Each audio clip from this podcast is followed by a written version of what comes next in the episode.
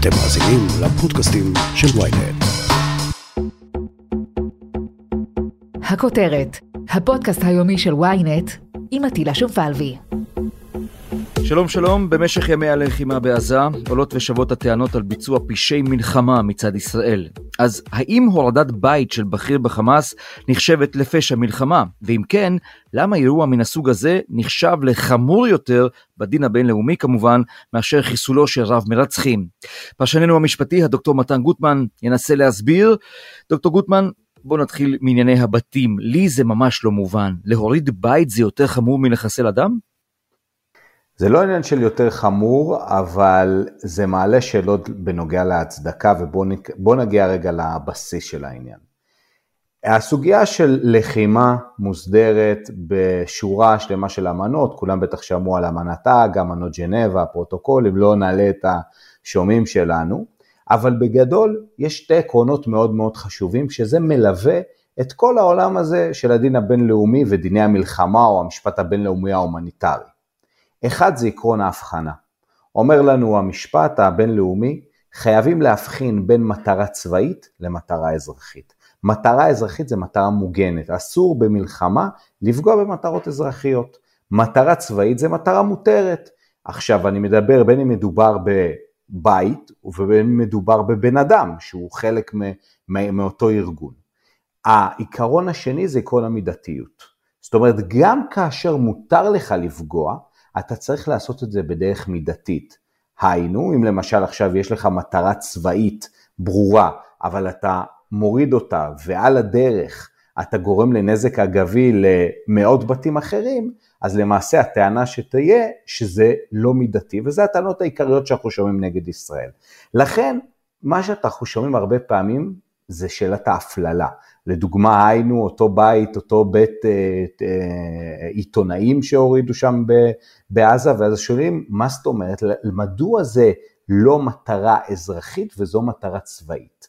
בוא שנייה, בוא שנייה, דוקטור גוטמן, תנסה לחדד אותי, ל- ל- לדייק אותי בהבנה, משום שאני עדיין מבולבל. הרי אנחנו יודעים שמדובר בארגון טרור שמשתמש באזרחים בכל פלטפורמה אפשרית אזרחית כדי לירות עלינו טילים, כדי לבצע פיגועים, כדי לרצוח אזרחים ישראלים. המגן הזה, המגן האזרחי הזה, נותן להם באמת הגנה מפני כל מתקפה ישראלית? כי פשוט לא. כי הם מסתתרים שם. לא, זה לא נותן להם הגנה, אבל זה מסבך את הסיטואציה המשפטית וזה מטיל עלינו כמדינת חוק אה, המון המון מגבלות ומצריך מאיתנו להביא המון המון ראיות לכל מתקפה ואני אסביר. כעיקרון, דיני המשפט הבינלאומי נוצרו במלחמה בין שתי צבאות. אז זה מאוד פשוט, יש צבא א', יש צבא ב', הם נלחמים בשדה הקרב ואין כמעט קשר לעניין של האוכלוסייה האזרחית. איפה הדברים מסתבכים? הדברים מסתבכים שהחמאס הוא לא צבא, הוא לא מוגדר לפי המשפט הבינלאומי כצבא. למעשה זה מעין הגדרה של לוחמים בלתי חוקיים, היינו, זה בעצם אזרחים שמשתתפים בפעולות לחימה. ואז עולות המון המון שאלות מאוד סבוכות של המשפט הבינלאומי. לדוגמה, האם עכשיו אה, אדם שמוכר תרופות לאנשי חמאס, מסייע להם מבחינה רפואית, האם הוא חלק מהמערך של החמאס או לא? אם זה היה צבא רגיל, אז אתה יודע שזה חיל הרפואה, זה צבא. האם אותו האזרח הוא חלק או לא? האם מישהו נותן כסף? האם מישהו שהוא מעודד ועושה לדוגמה תעמולה אה, למען החמאס? האם הוא חלק? אתה מבין עד כמה הסיטואציה הזאת מסובכת וישראל ניצבת, יחד עם ארצות הברית ומדינות אחרות במערב, ניצבת בפני סיטואציה מאוד מאוד קשה כאשר היא נלחמת בטרור, שזה מה שנקרא מלחמה אסימטרית, שיש לך מצד אחד בעצם לוחמים בלתי חוקיים שמשתמשים באזרחים, חלק מהחברה האזרחית, אל מול צבא. זה מאוד מאוד סבוך, ולמזלנו באמת, אנחנו בעניין הזה חייבים להגיד, מי שפיתח את זה, זה בית המשפט העליון הישראלי. מי שהתיר לעשות לדוגמה סיכולים ממוקדים, אגב, שהוא התיר גם שיהיה נזק אגבי, שיהרגו אזרחים, זה בית המשפט העליון בראשות אהרון ברק. פסק הדין האחרון של אהרון ברק זה פסק הדין על הסיכולים הממוקדים, שהוא נתן פרשנות משפטית חדשה למשפט הבינלאומי על אותם לוחמים בלתי חוקיים, אוקיי, אותם אזרחים, אותם פעילי טרור שמותר להרוג אותם, הוא הכשיר את זה. אני שהייתי בהרווארד, כל הפסקי דין העיקריים שלמדתי בקורס על, על משפט בינלאומי ודיני אה, לחימה, היה פסקי דין של אהרן ברק. זאת אומרת, אנחנו צריכים להגיד תודה לבית המשפט העליון שלנו שעוזר לצבא. אוקיי, okay, בוא נלך רגע אחורה בזמן. לפני כמה שנים עבדת אצל מבקר, מבקר המדינה והיית באותה, אה, באותה קבוצה של, של אנשי uh, המשרד שבדקה את צוק איתן וגם את הטענות על פשעי מלחמה מן הסתם. מה היה שונה בצוק איתן בהשוואה למה שקורה עכשיו? הרי כבר עכשיו אני רואה בניו יורק טיימס כתבות על הרג אזרחים ופשעי מלחמה וכולי. מה גיליתם שם בבדיקות שלכם? תראה, מה, אה, אה, לצד אותה בוא נחזור, יש את העקרונות, כמו שאמרנו, עקרון ההבחנה ועקרון המידתיות, שכל הזמן מלווים. העיקרון השלישי המאוד חשוב זה עקרון הבדיקה והחקירה. אם, אם עולות טענות שבמהלך פעולות המלחמה נעשו לדוגמה פגיעות באזרחים, פגיעות בלתי מידתיות או פגיעות במטרות אזרחיות, בבתים שלא היה בהם שום פעילות אה, אסורה, או שהייתה בהם פעילות שהיא לא בדיוק 100% פעילות חבלנית. הרי אם נפתח סוגריים, גם עולה שאלה, נגיד מפציצים בית של, של uh, מפקד. הרי אם זה רק uh, המשפחה שלו גרה שם, אין שם איזושהי פעילות צבאית. אם הוא מסתיר שם נשק, זה מותר או אסור? זה שאלות מאוד סבוכות. עכשיו, זאת השאלה שבעצם אנחנו כרגע שואלות טענות כאלה, צריך שיהיה מנגנון בדיקה וחקירה. מה שאנחנו בדקנו בזמנו, זה את מנגנוני הבדיקה והחקירה. בזמנו, אם אתה זוכר, היה ועדת טירקל, ועדת טירקל הייתה בזמנו אחרי משט המרמרה, היא בעצם יצרה את כל הדרך איך צה"ל צריך לבדוק טענות לפשעי מלחמה, ונזכור כולם, אנחנו נמצאים היום בסיטואציה שה-ICC, בית הדין הבינלאומי, אמר שיש לו סמכות, ויש לנו את עקרון המשלימות. היינו, מה שישראל לא תבדוק, ה-ICC יבדוק, וזה מה שבדקנו. עכשיו, איך אנחנו באמת רואים כאן מבחינת ההבדלים, אתה אומר, בצוק איתן עלו גם בזמנו המון המון טענות, על כמובן על הרג, על פעולות לא פרופורציונליות, היה את האירוע המאוד מפורסם וידוע שמה שנקרא שהופעל אה, אה, נוהל חניבעל, באותו חשד לחטיפת חיילים, אם אתה זוכר, שם שהיה, ושכנראה היה שם טענות אה, אה, באמת לפעולה מאוד מאוד מסיבית של הצבא. פה אנחנו כבר רואים בימים הראשונים של הלחימה, אתרים אזרחיים לכאורה, שנראים לאנשים אזרחיים, כל הבניינים, כל אותם בנייני רבי קומות, כל אה, אותם בתים, וזה היה רק בימים האחרונים, זאת אומרת בואו ניקח ככה היום, הימים האחרונים של צוק איתן, זה הימים הראשונים של מבצע שומר החומות. לכן אנחנו רואים באמת בתקשורת הבינלאומית המון המון שיח סביב העניין, והנה עלתה שאלה ארה"ב, אפילו אני ראיתי שמזכיר המדינה של ארה"ב אומר, אנחנו ביקשנו מישראל את הראיות מדוע הם הורידו את אותו בניין של אנשי תקשורת.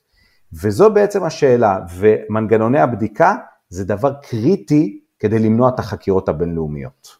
אני מוכרח לשאול אותך דוקטור גוטמן, איך יכול להיות שהדין הבינלאומי לא נותן דעתו לשינויים שחלים בטח במאה ה-20, אבל גם במאה ה-21, בשדה הקרב?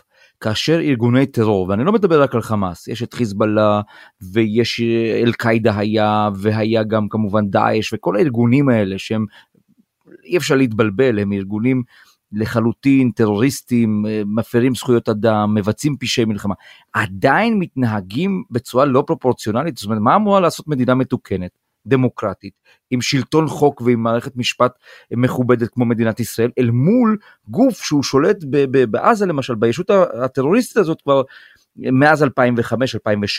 זה, זה, אתה, כובל את הידיים של הטוב במקרה הזה, ואני, רואה בישראל הצד הטוב.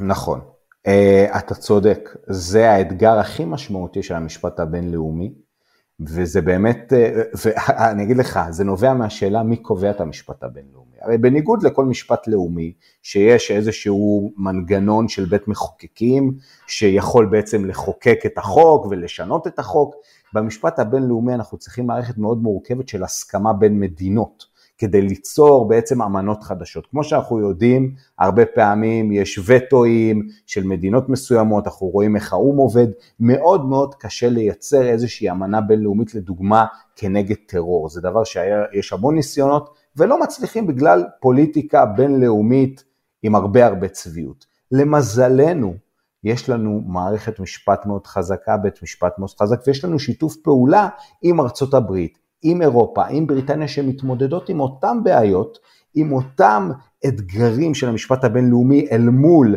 לחימה בטרור בתוך אוכלוסייה אזרחית, והראיה עטילה שאנחנו מצליחים.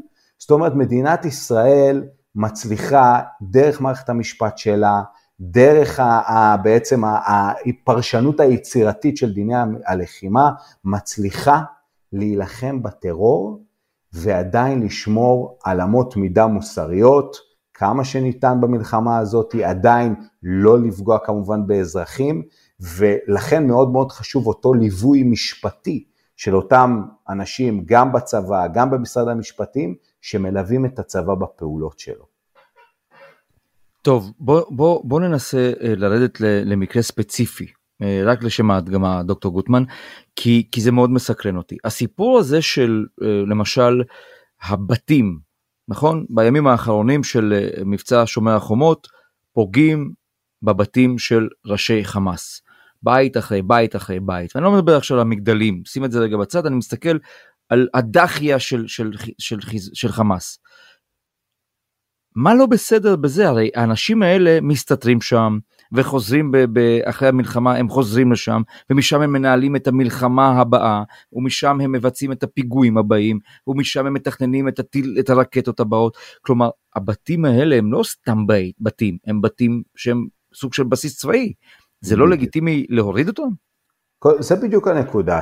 בוא שנייה רגע שאנשים, באמת שהשומעים שלנו יבינו את הבסיס של המשפט הבינלאומי ואיך הדברים באמת מסתבכים. אם אנחנו נמצאים במלחמה רגילה, לדוגמה, מלחמה בין ישראל לסוריה, ככל הנראה הבית של הרמטכ"ל אביב כוכבי הוא לא מטרה לגיטימית לצבא סוריה, כמו הבית של רמטכ"ל צבא סוריה לא היה מטרה לגיטימית לצבא הישראלי, זה לא רלוונטי הבית הפרטי שלו. תפציץ את המפקדה שלו, תפציץ את הבסיס שלו, תפציץ את החיילים.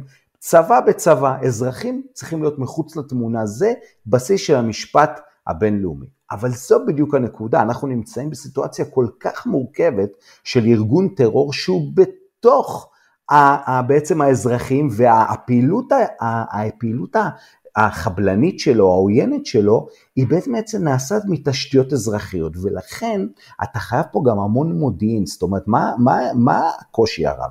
ישראל על מנת לבצע את אותם הפצצות של בתים, על מנת מה שנקרא בעגה הצה"לית להפליל אותם, היא חייבת להביא ראיות שבא ואומרים, תשמע, זה לא בית תמים שהוא בא וישן שם ונמצא. בבית הזה, לדוגמה, יש מצבורים של נשק. מהבית הזה מתכננים את המבצעים, בדיוק כמו שאמרת, הבית הזה הוא חלק מהמערך המבצעי של החמאס. אבל אטילה, צריך ראיות. זה לא כי חושבים, אם זה בית כביכול שלא נעשה בה שום פעילות עוינת מלבד זה שהוא בא וישן שם ומשפחה שלו גרה שם, לפי המשפט הבינלאומי לא ניתן להוריד את הבית הזה.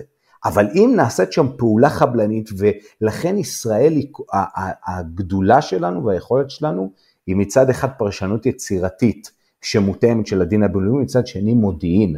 המודיעין פה הוא כל כך קריטי, והמודיעין הרבה פעמים הוא זה שמציל. ואני אתן דוגמה, היה בזמנו את החיסול אה, אה, הידוע שנהרגו של אה, שחאדה, חושב שזה היה, שנהרגו 17 אה, אה, אנשים, מה שנקרא בלתי מעורבים, וגם ילדים, וגם אני חושב אשתו, והוקמה בזמנו ועדה, ועדת בדיקה בראשות השופטת שטרסברג כהן, והיא אמרה, תראו, בדיעבד זו הייתה פעולה בלתי מידתית.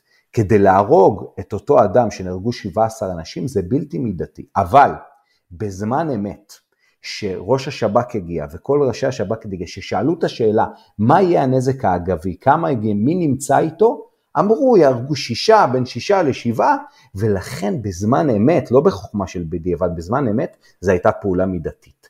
וזה בעצם המבחן, המבחן האם בזמן אמת שמבצעים את אותה מתקפה, האם יש את הראיות שמביאות את ההפללה של אותו אה, מטרה, שנראית על פניו אזרחית תמימה, אבל בפועל היא מטרה צבאית לכל דבר, ולכן היא מטרה מותרת. שאלה אחרונה, דוקטור גוטמן, והיא נוגעת לבית הדין הבינלאומי. אותו ICC שכולם מדברים עליו, אנחנו צריכים לדאוג? כן, אני חושב שאנחנו צריכים לדאוג, ברור שאנחנו צריכים לדאוג, כי ה...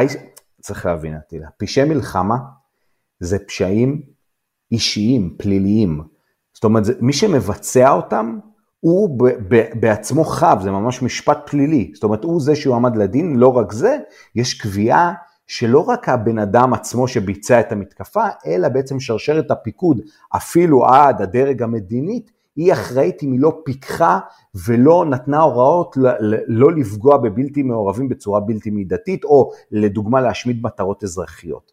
לכן אנחנו צריכים לדאוג, אנחנו צריכים לדאוג כי יש לנו כבר קביעה שיש סמכות ל-ICC, וכמובן שאם ישראל עכשיו תתפרע, תגיד, לא מעניין אותי כללי המשפט הבינלאומי, אני מוחקת שכונות שלמות, אז מחר בבוקר אף אחד לא יגבה אותנו, לא ארצות הברית, בטח לא של ביידן ולא מדינות אירופה, ואנחנו לא רוצים שהקצינים הבכירים שלנו או שרים בכירים יוזמנו לחקירה על זה בהאג. לכן אנחנו חייבים לעשות את כל אותן פעולות על מנת שימנעו את זה, ועכשיו גם עומד להיכנס תובע חדש, שאנחנו מקווים שהמדיניות שלו תהיה שונה לגבי ישראל. הדוקטור מתן גוטמן, פרשננו המשפטי, אני מאוד מודה לך. תודה רבה, אטילה.